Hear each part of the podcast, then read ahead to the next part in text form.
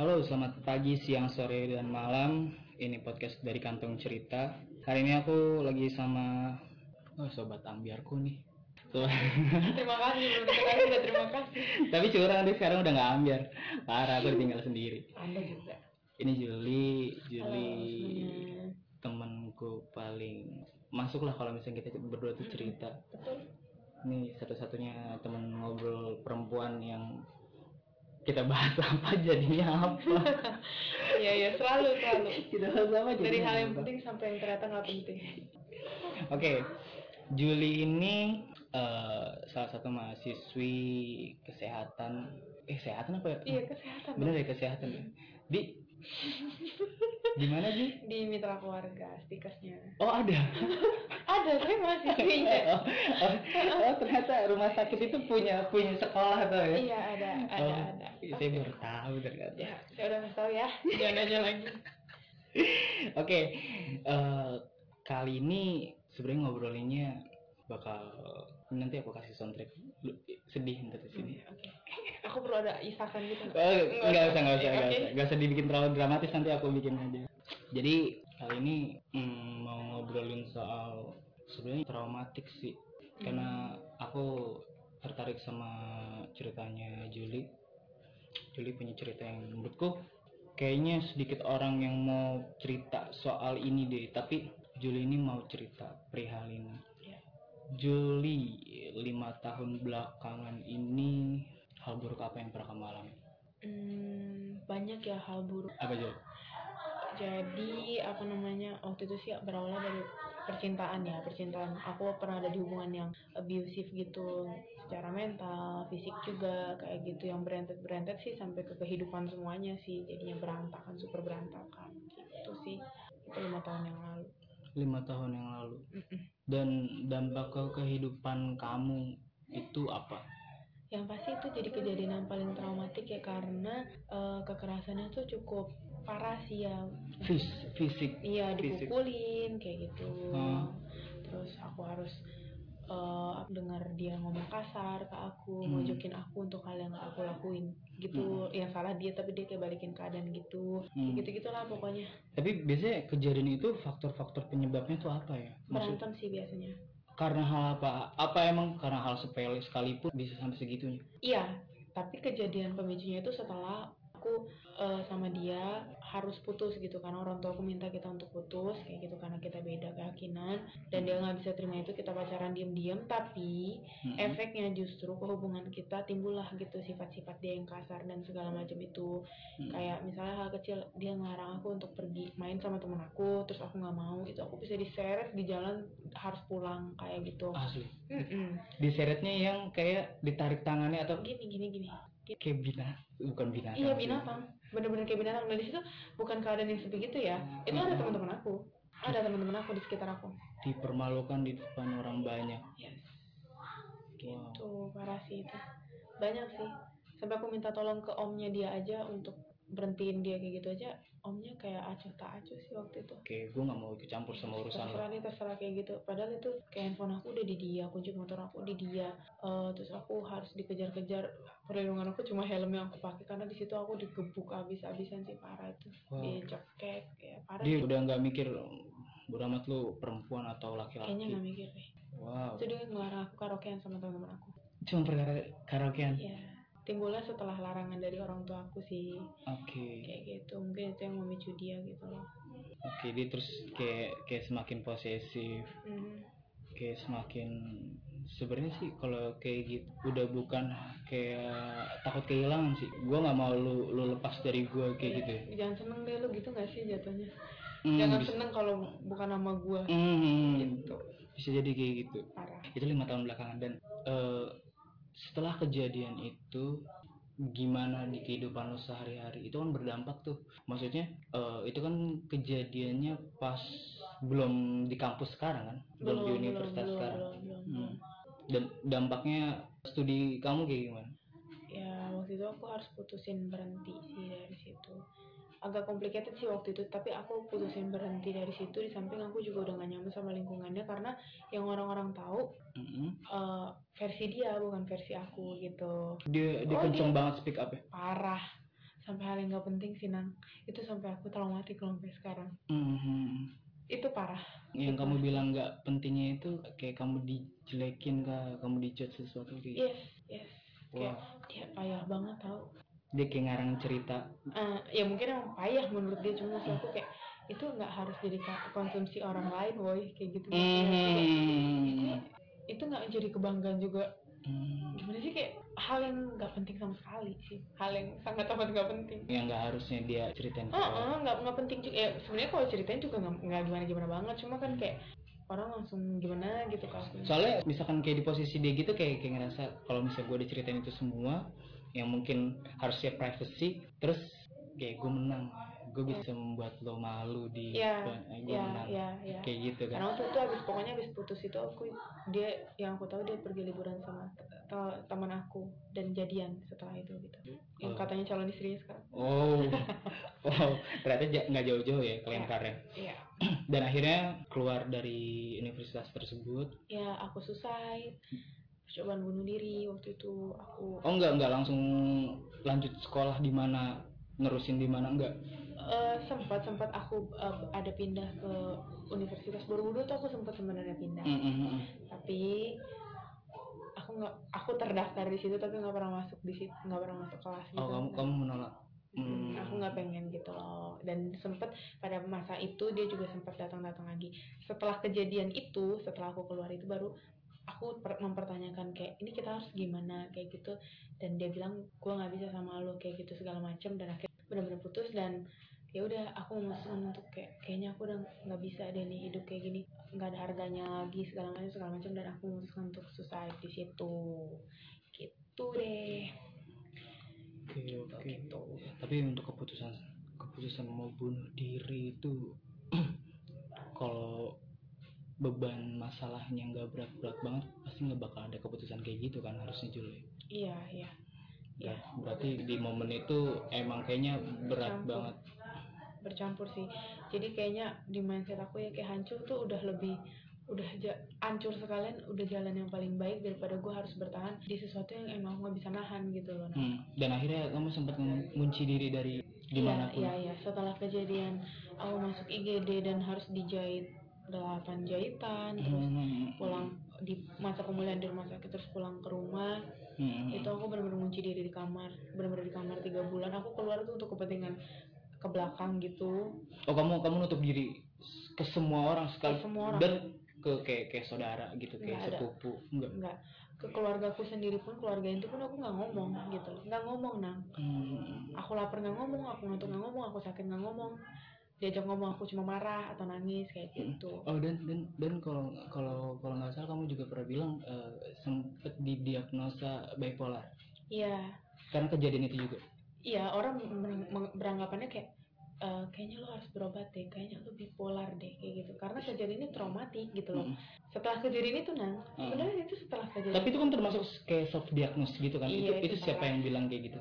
Orang sekitar karena setelah kejadian itu aku jadi manusia yang sampah gitu loh apa yang dia lakuin ke aku kekerasan yang dilakuin aku ke Hmm. aku aku lakuin ke orang lain gitu jadi aku menganggapnya kayak itu di mindsetku itu hal yang wajar gitu aku melakukan pukulan gitu itu hal yang wajar Hmm. tapi eh, di orang lain aku terlihat aneh karena aku kan nggak seperti itu anaknya gitu Eh, harusnya ngomong harusnya. kotor aja tuh aku nggak berani Hmm. sebenarnya dulu nang Hmm. nggak berani aku ngomong kayak Eh, se se sepolos itu kayak kayak betul emang anaknya nggak nggak kayak nggak anjing nonton loh. ke bioskop aja takut iya kalau bukan sama keluarga Eh, Dan tapi akhirnya eh, tahu kalau misalkan kamu didiagnos bipolar itu setelah ke psikiater. Enggak, enggak, enggak. Jadi gini, keluargaku waktu itu melihat aku yang aneh banget Mm-mm. gitu orangnya. Iya sih hidup tapi aneh. Terus teman-teman sekitarku juga merasa yang begitu. Hmm, Terus kayak kakakku waktu itu yang ngomong secara halus gitu. Hmm, Ini gimana kalau si lo pergi aja ke psikolog atau psikolog sih waktu dia bilang. Hmm, Lo harus ngomong sama yang ahli supaya kita tahu karena mood swing lo tuh parah banget. Hmm, dan temperamental segala macam kayak gitu. Waktu itu aku nolak nang aku nggak akhirnya tidak pernah jadi ke sana nang Oke, aku nggak pernah jadi ke psikolog. psikolog atau psikiater atau apa pun itu. Hmm, tapi aku selalu dihantuin sama orang-orang yang bilang aku bipolar oh gitu. Jadi kayak, iya ya gue bipolar kayak gitu loh Oh, iya, sebenarnya jadi kayak yang terjadi itu gitu. itu iya yang terjadi itu Hmm. sampai kayaknya dua tahun yang lalu di 2018 aku masih ditawarin kok mau ke psikolog nggak kayak gitu kalau memang ragu Mhm. daripada nggak sama sekali kayak gitu oke oke Nah, oke bahkan temanku ada yang ngomong mau ikut hai- apa ikut hipnoterapi aja. Sedangkan yang kayak aku enggak enggak enggak enggak tahu Eh. nolak. Pertama sih dan kalau boleh jujur kenapa aku nolak kayak Mhm. mindset orang-orang kalau aku ke psikolog kayaknya aku gila gitu. Itu ada di aku. Hmm, iya sih. Mungkin kalau bukan aku yang ngalamin aku akan gampang ngomong ke orang enggak ke psikolog itu bukan iya karena iya. lo gila. Tapi ketika itu ada di aku dan aku mencurigai aku ada kelainan dan kayak siap nggak ya aku sama dia iya iya iya iya. Gitu. Tahu ternyata bener bener. gitu. oh Tuhan aku harus gimana gitu minum obat seumur hidup eh, semakin terpukul ya kan? Mm-mm. eh, yang udah nerima beban segitu banyak akhirnya harus nerima eh, diagnos yang oh ternyata benar Iya. kata orang-orang. Iya, iya, iya, mm-mm. sih. Akhirnya kayak udah sih eh, mendingan nggak tahu apa-apa gitu kan. Ya jalanin aja dia hidup. Iya sih. Sebenarnya aku nggak terlalu setuju sih kalau soal lebih baik nggak tahu apa-apa gitu. Iya bener. Kita terasa lebih baik. Emang iya kalau misalnya kita tahu hal itu menurutku kita bisa bisa cari jalan keluarnya. Mengantisipasi nggak sih segala hal buruk yang ada di Mm. depan yang harusnya bisa kita antisipasi sekarang gitu? Mm, mm, mm, mm. iya memang sih harusnya seperti itu benar. Harusnya seperti itu tapi emang kamu yakin aku nggak kayak gitu aku Iya. nggak gitu.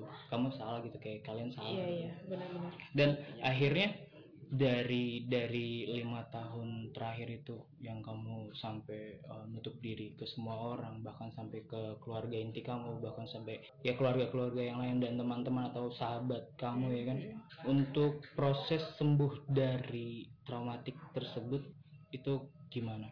jadi eh, kan aku bilang tadi aku tiga bulan itu benar-benar di kamar dan nggak mau ketemu orang terus akhirnya aku termo sampai manusia sih aku bilang tuh kayak begitu ya. Mm-mm. sampai ada di titik aku termotivasi karena keluarga aku sendiri gitu. Karena keluarga aku sendiri karena circle aku yang baru gitu kayak yang kasih support kayak ngasih tahu gitu.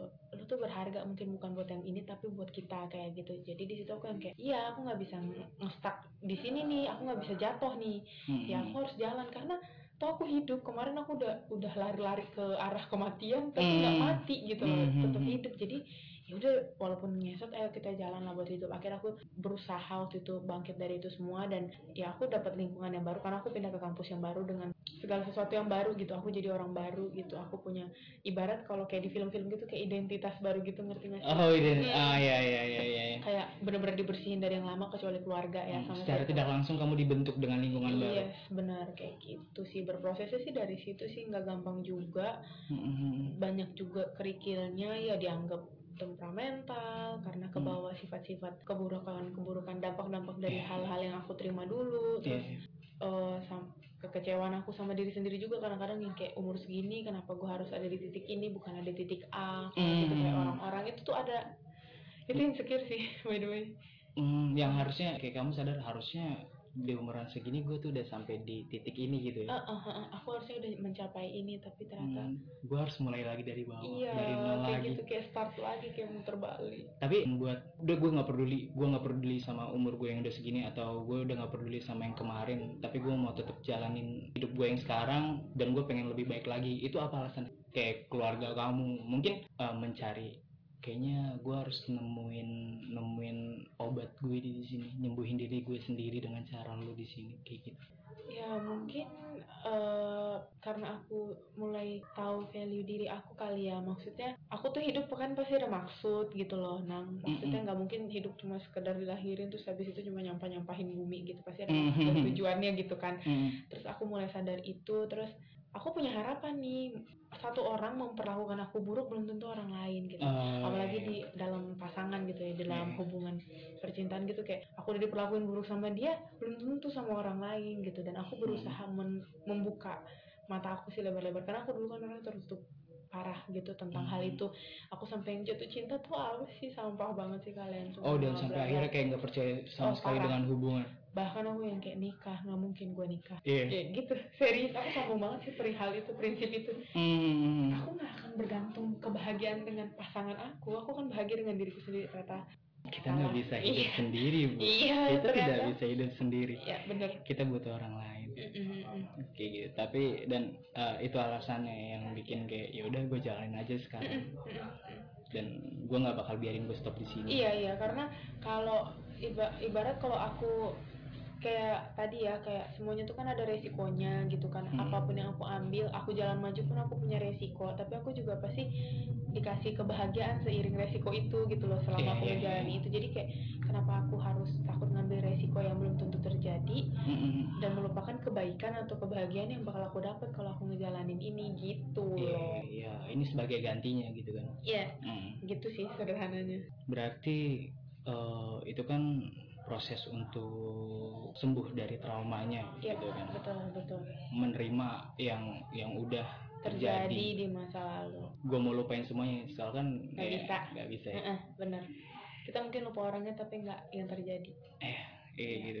Terus bagaimana eh, memulainya lagi? Kan kamu kayak gue udah mulai dari nol nih. Gue mulai dari nol, gue seperti bayi yang terlahir kembali. Gue udah menerima itu semua, memaafkan itu semua. Bagaimana eh, memulai itu semua? Awalnya bagaimana? Dengan lingkungan yang baru, Iya, iya, iya. teman-teman baru, dan mungkin ketemu eh, laki-laki baru yang bisa kamu taruh harapan. Ini lo bisa nyembuhin gue gitu. berusaha percaya sih sama diri sendiri kalau aku harus ngerasa pantas aku harus ngerasa diriku tuh cukup pantas gitu loh ketika aku udah mulai ngerasa pantas aku membiarkan diriku mengeksplor hal-hal itu yang kayak kamu sebutin tadi misalnya aku Hmm. akan kasih aku diri aku kesempatan untuk uh, bergerak maju atau untuk bertemu sama orang baru kayak gitu walaupun proses bertemu sama orang baru untuk jadi pasangan tuh kan gak gampang ya karena aku dapat abusive hal abusive itu tuh dari pasangan kan Hmm. jadi emang susah tapi ya gimana ya aku bilang ya nggak nggak bisa ditebak sih maksudnya aku sih udah berusaha menutup diri banget tapi Hmm. ketika dia datang dengan di saat yang tepat ya udah kayak gitu Oh, jadi terima aja. runtuh sendiri aja gitu. Oh, pelan-pelan tapi nggak langsung Oke oke oke oke. Sampai kayak kamu pernah ngerasa kayak aku bisa naruh perasaan ke banyak orang gitu. aku pernah loh nyoba maksudnya kamu percaya nggak kalau Hmm. kayaknya aku udah pernah cerita aku tuh download dating online gitu Oh, iya. aplikasi online Oh, gitu iya, iya. dating online application gitu dan aku seberusaha itu nang sebenarnya terserah orang mau bilang aku kayak kurang laku banget sih lo gini-gini segala macam Hmm. aku seberusaha itu gitu untuk buka diri sama orang baru Hmm. tapi susahnya minta ampun karena kayak setiap aku mulai percaya sama orang aku akhirnya ngerasain hal yang aku rasain dulu gitu kayak oh dia ternyata cuma mengambil keuntungan bla bla bla dari gua atau oh dia memang nggak bisa dipercaya karena dia cuma punya motif tertentu dan segala macem Hmm. gitu oh dia bukan orang yang setia bla bla bla gitu Datang dengan tidak tulus. iya kayak Hmm, gitu hmm. Proses yang panjang sih sampai bisa menerima yang sekarang sih bukan proses yang mudah. Dia juga merasakan kesusahan itu bahkan sampai sekarang sih.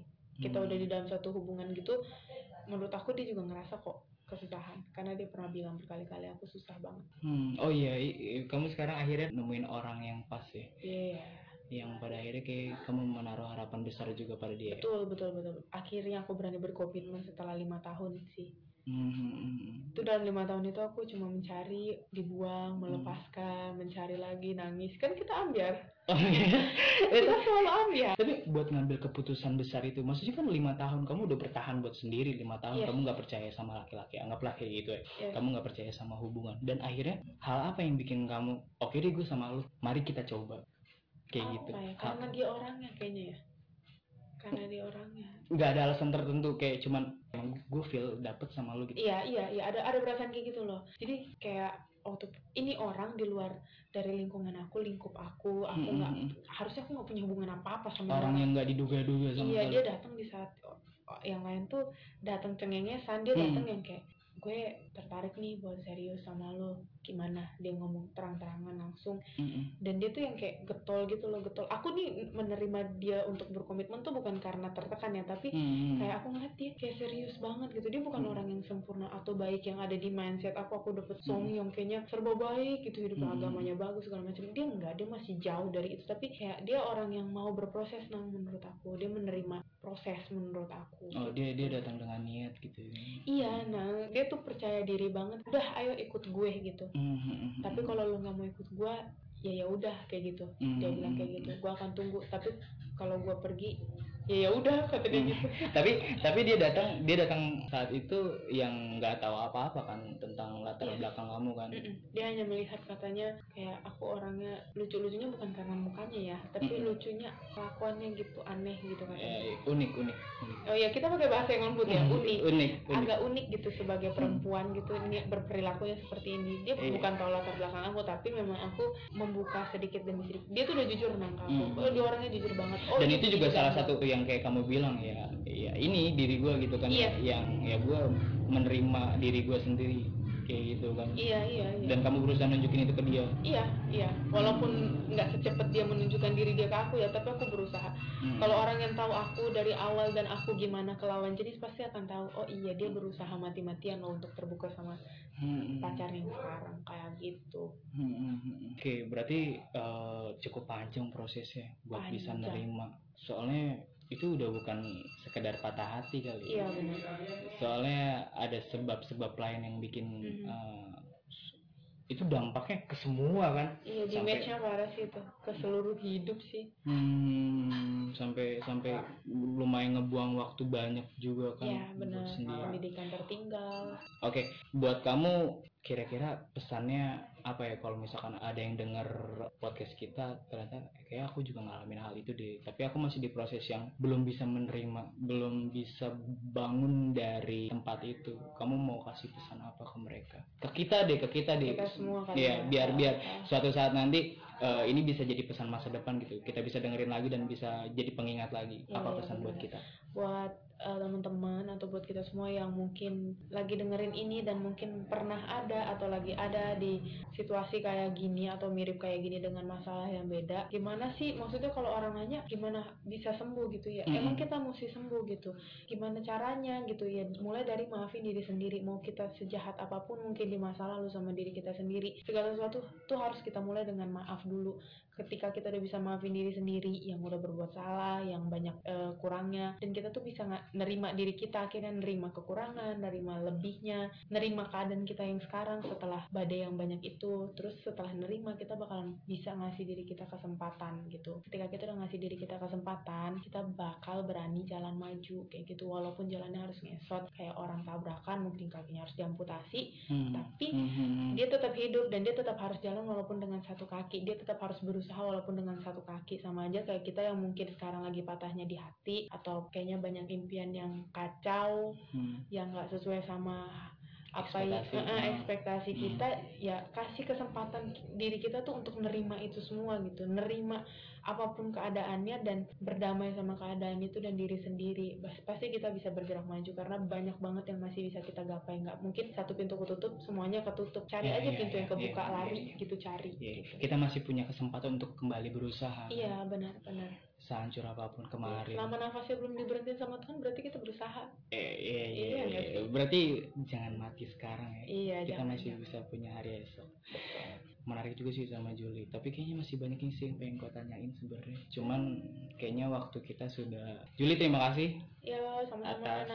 Ceritanya. Semoga eh, dari cerita ini bisa dapat positifnya sih teman-teman yang yes soalnya ada kok yang gak lo doang sendirian sehancur itu. Betul betul betul. Ada orang lain juga yang mungkin juga lebih hancur daripada lo. Itu masih proses bukan hasil. Jadi santai ayo Hmm. berproses terus. Dan ini juga bukan sesuatu yang kayak harus gue banding bandingin yes. Tapi maksudnya ada yang masih mau berusaha meskipun sehancur itu ada yang masih mau bangun dari tempat itu. Oke, buat teman-teman kantong cerita, terima kasih. Sampai jumpa di episode kantong cerita selanjutnya. See you.